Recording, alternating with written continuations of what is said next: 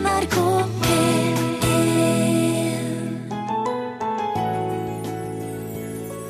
Et kirkerom kan sette en beinhard ateist i djup ettertanke. Det er mange som trives i kirka, som ikke bryr seg så særlig om det presten sier. For hver lørdag så gikk jeg i bryllup. Og jeg gikk alene, for det var ikke langt å gå. Og satte meg på benken der. Og jeg tror det var teater for, det var teater for første gang i mitt liv. Musikken var vidunderlig, omgivelsene var vidunderlige, og så kommer disse draktene opp. Og så får du hele dette her. Og dette gjorde jeg hver bidige lørdag, mine foreldre syntes. Og dette var noe snurrig, da. Men jeg er helt opplagt at det er det som sitter i meg fremdeles. Toppen Beck reiser ikke noe sted i verden uten å sveipe innom ei kirke. Margrethe Nåvik heter jeg. Toppen er en av våre besøkende i dag. Nå skal vi bli med Toppen Beck på kirkebesøk. Toppen er en av de mange som ikke følger så nøye med på hva presten sier, kanskje, men som sitter veldig godt i kirka. Hun reiser ikke noe sted i verden uten å besøke ei kirke. Du skjønner, du skjønner alt dette med at jeg går og får ro i meg. eh, Og det å komme inn, gleden ved å komme inn i en kirke, den tror jeg ble etablert i barndommen, den også. For jeg hadde det slik, bodde i nærheten av Fagerborg kirke i Oslo. Og hver eneste lørdag så måtte jeg hjem og ta på meg den blå kåpen min. Den husker jeg enda, den var veldig fin. For hver lørdag så gikk jeg i bryllup. Og jeg gikk alene, for det var ikke langt å gå. Og satte meg på benken der. Og jeg tror det var teater for, det var teater for første gang i mitt liv. Husk på, det, det, det, spilte det, Musikken var vidunderlig, omgivelsene var vidunderlige, og så kommer disse draktene opp. Og så får du hele dette her. Og dette gjorde jeg hver bidige lørdag, mine foreldre syntes. Og dette var noe snurrig, da. Men det er helt opplagt at det er det som sitter i meg fremdeles. Altså, når det gjelder kirkerom, i fare for liksom å være en, bare opptatt av estetikk og, og, og meg selv i kirkerom, og, så er det allikevel jeg, liker det litt opphøyde, da. Og når jeg ser presten komme løpende med gymbagene, og så jeg ser de hvite sokkene under prestekjolen, så liker jeg ikke det heller. For som jeg sa til en en gang, dere er jo liksom linken opp. Det er noe mellom Gud og mennesker. Og dere inviterer oss inn til en høytid. Er det noe kontakt direkte, da, eller hender det at du kobler ut det her eh, mellomleddet, altså presten? Kan jeg Men spør, spør du meg nå veldig privat? Spør du meg Ja, freidig og privat? Ja, Så kan er- du svare hvis du vil. Ja, men det kan jeg godt svare på. Men det, jeg syns det er veldig vanskelig å Jeg tror jeg har en barnetro. Og jeg er veldig opptatt av verdispørsmål. Jeg er veldig opptatt av å, å være et snilt menneske. Og du Mm. Ja, vet det veldig mye av min historieglede, den har, følger jo kirkens historie. Og det er mye jeg er uenig, sterkt uenig, men jeg kan jo ikke la kirkemøtet i Nikea ødelegge for mi, mi, mine følelser når jeg kommer inn i et kirkerom. Men, Det eh, men ja. eh, det jeg spurte om, var jo egentlig om det var noe direkte kontakt som Ja, går jeg skjønte ikke helt den. Er det liksom Min egen samtale med han der oppe. Ja, for du, du snakker jo om kirkerommet som noe veldig sterkt for deg. Ja, der, men det er jo der det begynner å foregå noe inni meg, da. Den er en trykknapp. Men, men hva er det som foregår? Er det et gudsnærvær du snakker om når du, når du kommer inn i kirkerommet? Jeg vet ikke. Syns det er så vanskelig å sette ord på det. Det er noen ting som ikke kan eh, eh, Ikke kan eh, Selvfølgelig, du har dette akademiske språket, du har liturgien. Og, og slik jeg er innrettet, så har jeg, da har jeg ofte lett for liksom å ikke, ikke fange det som noe som går helt inn i hjertet på meg. Og derfor så kan jeg kan ikke fortelle, men jeg, jeg, jeg tror jo på noe. Altså, For meg er det like mirakuløst om jorden er skapt der ovenfra, eller om jorden er skapt der nedenfra, holdt jeg på å si. Så, så er, det er- det er like utrolig begge deler. Du må bare velge på et eller annet tidspunkt i livet hva du skal tro på. Hva har du valgt, da? Jeg er jo en forteller. Jeg er jo et menneske med mye rare fantasier. Og, og, jeg liker jo tanken at det er noe, det er et eller annet over oss. Og at det er mer fantastisk enn at noen ting har drevet og celledelt seg. Det syns jeg er litt for lite storslått i en så storslått sammenheng, altså. Jeg liker i hvert fall budskapet til Jesus så godt at jeg velger å leve på den måten. Og dermed så kan du jo si da at der, der har jeg gjort mitt valg.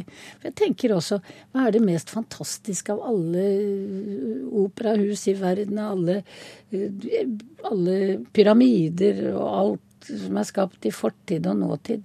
Hvis du tenker på Bibelen, hvor mange år den har levet og eksistert, tross mye motgang og sånn, tenker jeg det er så rart. At det har jeg ikke funnet noe svar på ennå, men jeg skal komme og bestille time hos deg hvis jeg gjør det. Ja, men det er jo et underverk, altså. Men da ser vi deg da, når du får Når jeg vet svaret, svaret så kommer jeg. Mm, mm, supert. Snakkes. ja. Det er på tide for vårt panel å snakke om jula. Hva betyr jula for en forfatter, en kristen og en alternativ aktivist? Ja, det er det her de sjøl liker å kalle seg. Hva er det egentlig de feirer? Hvor høytidelig tar de jula? Hva har de på seg på julaften, f.eks.? Ja, Birgit Sivertsen, jeg holdt på å si, jeg har jo på meg det som eh, man skal ha på seg. Så er det, det er vel det eneste gangen i året jeg har på meg dress. Julaften det er jo da en eh, kveld der alle sammen skal være pynta. Gyrid Gunnes, jeg har enten på meg bunaden min, eller så har jeg på meg en eh, fin rød kjole. nå, skal jeg feire jul i Tromsø, så da kan det være at det blir litt mye å ta med seg bunaden helt dit. Så da blir det nok kanskje en rød kjole. Ja, Øyvind Solum heter jeg. Jeg opplever vel ikke egentlig julaften som så voldsomt høytidelig at jeg må kle meg veldig flott, men jeg tar nok på meg en dressjakke. Ikke nødvendigvis slips, men, men likevel jeg kler meg litt pent. Eh, vi prøver å gjøre noe litt spesielt ut av det. Panelet Ordet i dag er jul. Jo, altså Julen eh, også for meg har jo veldig mange sider. Altså Jeg er jo også vokst opp eh, i en kristen eh, kultur og med, med da julen som dels en, en kristen høytid, og, og, dels som en familiehøytid på mange måter.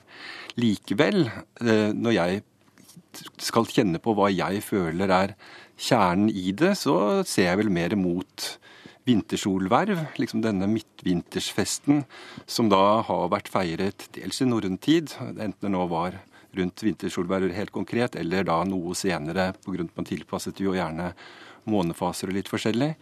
Og, og, på samme måte har det også vært lignende fester i de fleste kjente kulturer, både historisk og utover i verden.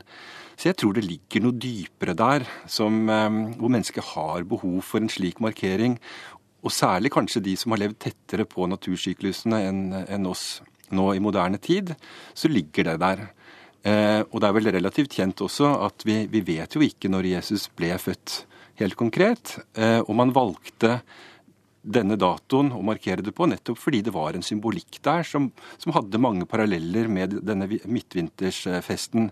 Solens gjenfødsel, lyset som kom inn i verden osv. Så, så, sånn sett så kan man godt egentlig feire begge deler på én gang, og det er vel egentlig det jeg også gjør når det kommer til stykket. Birger kunne godt ha tenkt seg å få slått fast når Jesus ble født? Ja, jeg kunne tenkt meg at det har stått i Bibelen på samme måte som at vi påska så følger vi jo Jesu fra time til time, nesten. Ja. Så, Hvorfor er det viktig å vite akkurat tidspunktet? Ja, for da, da, har jeg satt fast Øyvind med en gang. eller motsatt. ja, eller motsatt. Nei, men altså, tenk på en annen ting. Altså, nå er det advent, og advent før i tida var jo fantastisk. Altså, vi begynte jo med, med allerede med klemmetsmesse altså 23. november. Da var tradisjonen at man skulle knipe igjen, klemme igjen på maten til ungene for at julematen skulle smake så mye bedre. Det var én sak. Og så gikk du videre med forskjellige gjøremål. Eh, juleklærne skal etterses, repareres, skiftes.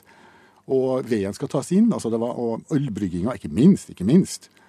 Og så gikk vi fremover til da endelig julaften. Da mm. vi skulle sette ut kornet til fuglene, og nissen skulle få grøten sin. Altså Fantastiske ritualer hele veien, og ordentlige merkedager. Progresjon, akkurat ja. som krybba til Gyrid. Ja. Mm ja. Hvordan står det til krybba di nå da, Gyrid? 15.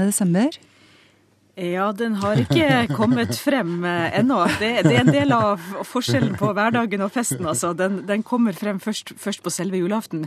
Da, har jeg, da, har jeg, en eh, Ja, dyrene er på vei, men, men, men julekrybben kommer ikke frem ja, ennå. Sånn, ja. eh, men jeg har en julekrybbe som jeg har kjøpt i eh, Betlehem. Som er en nydelig treutskjæring der, og som da også har midt i seg en mur. Så, så, det er altså julekrybbe med mur, altså julefortellingen kontekstualisert inn i situasjonen til eh, palestinere i dag. Yes. Så det, det, er noe som tenker jeg er kanskje det viktigste for meg i forhold til jula. At den, at den på en måte også får meg til å se utover meg selv, da. Eh, og utenfor på en måte de, det samfunnet som jeg, som jeg, selv lever i. For jeg tenker at ofte i Norge så, så er på en måte julen familiehøytiden ikke sant, fremfor noe. Det er jo selvfølgelig viktig, det. Og det er klart det, jeg gleder meg også til å være sammen med, med, med, med foreldrene og søstera mi. Men, men, jeg tenker liksom likevel at, at, i det kristne budskapet i jula så, så ligger det jo noe med overskridelse. Overskridelse av det kjente. Dette at Gud går ut fra sin egen himmel og blir menneske og prøver ut hvordan det er, og full, altså fullt og helt blir menneske. Da, sånn, underlegger seg de kårene som, som, vi lever. Og at sånn sett det å på en måte leve ut jula også er å, og nettopp eh, ikke bare være i det kjente, men også være i det ukjente. Hm. Jeg spiste akkurat uh, middag her forleden dag med en, en, venn av meg som lever som papirløs her i Norge, og har gjort det i en god del år. Og lever selvfølgelig under helt andre vilkår enn det, enn det jeg gjør.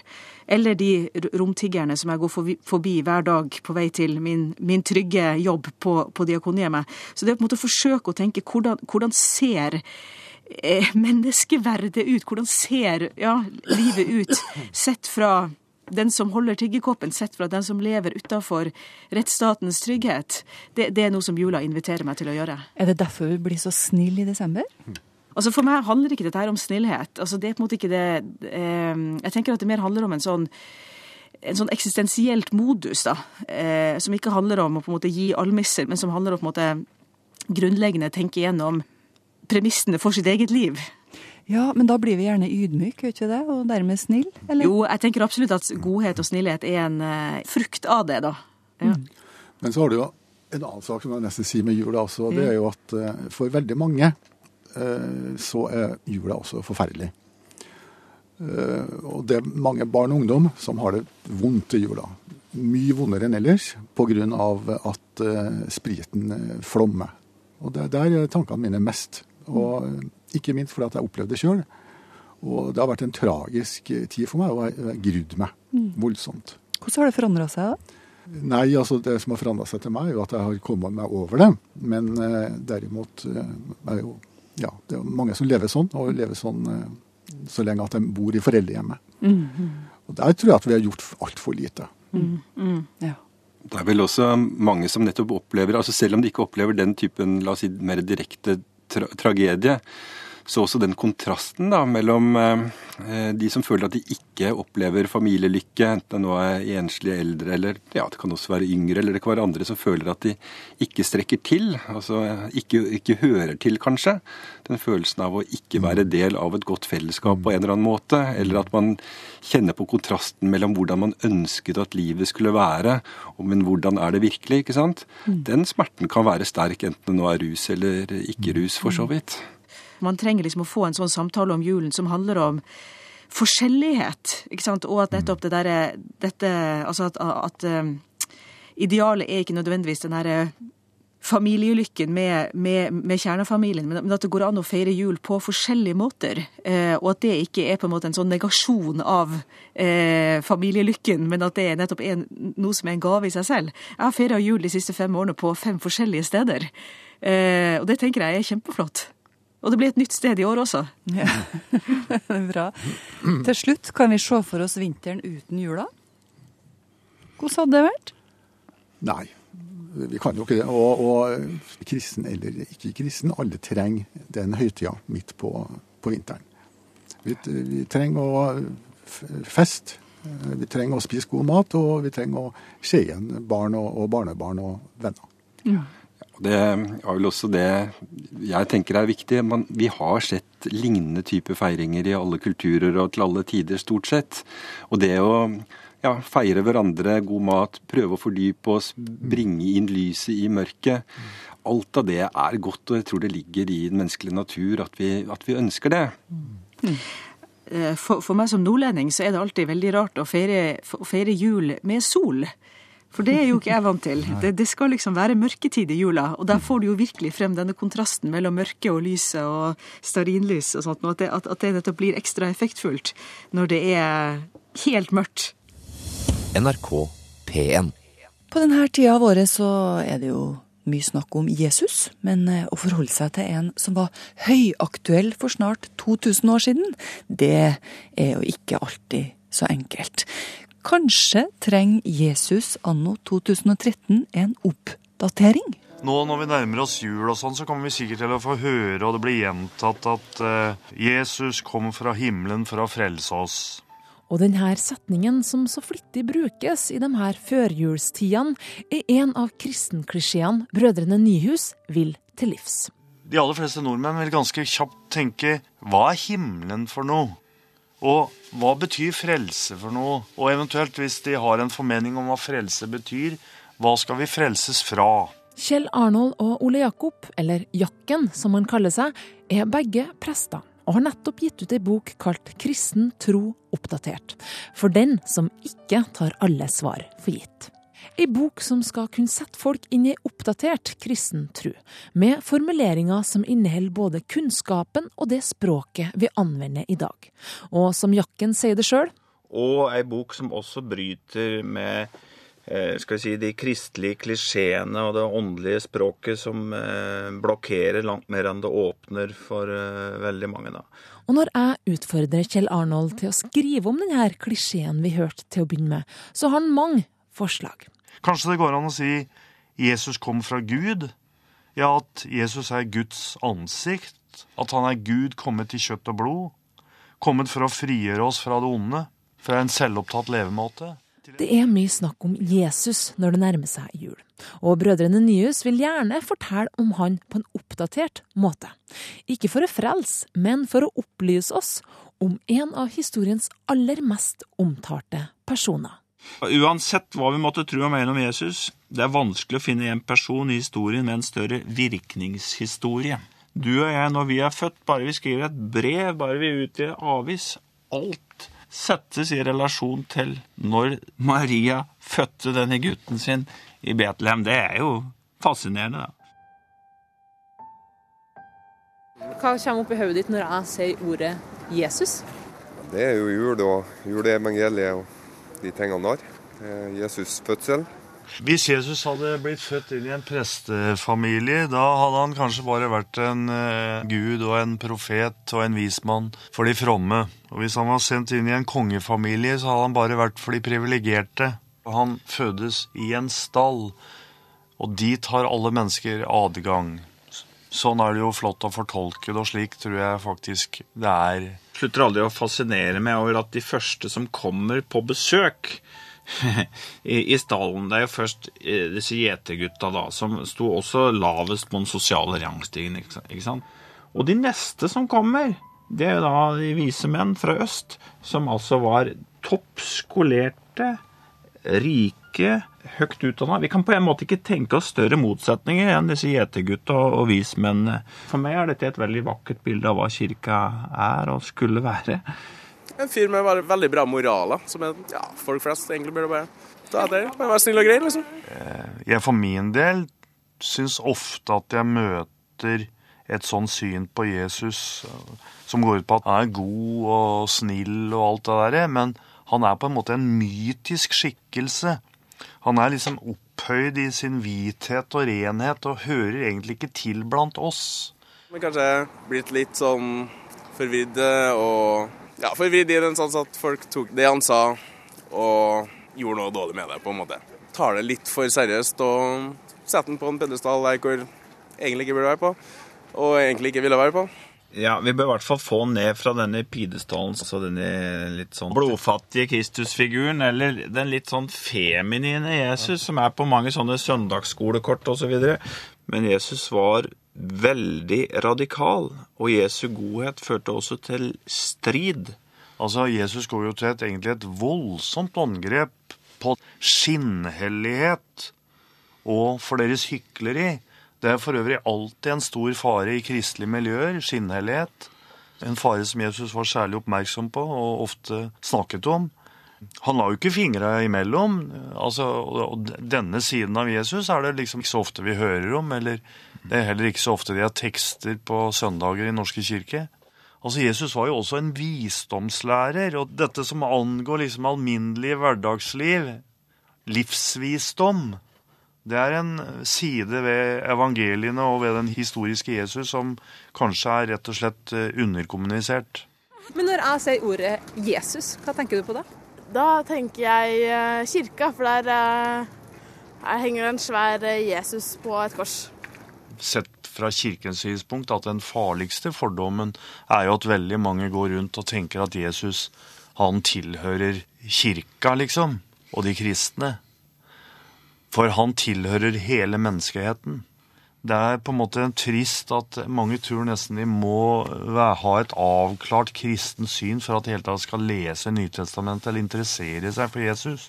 Det er jo på en måte helt annerledes enn det var i Nytestamentet. Da, for da var det jo ikke slik at Jesus først spurte 'Hva mener du om meg?' eller 'Tror du på meg?' eller 'Har du de rette meningene om meg?' Og hvis du har det, så kan du bli med i mitt følge.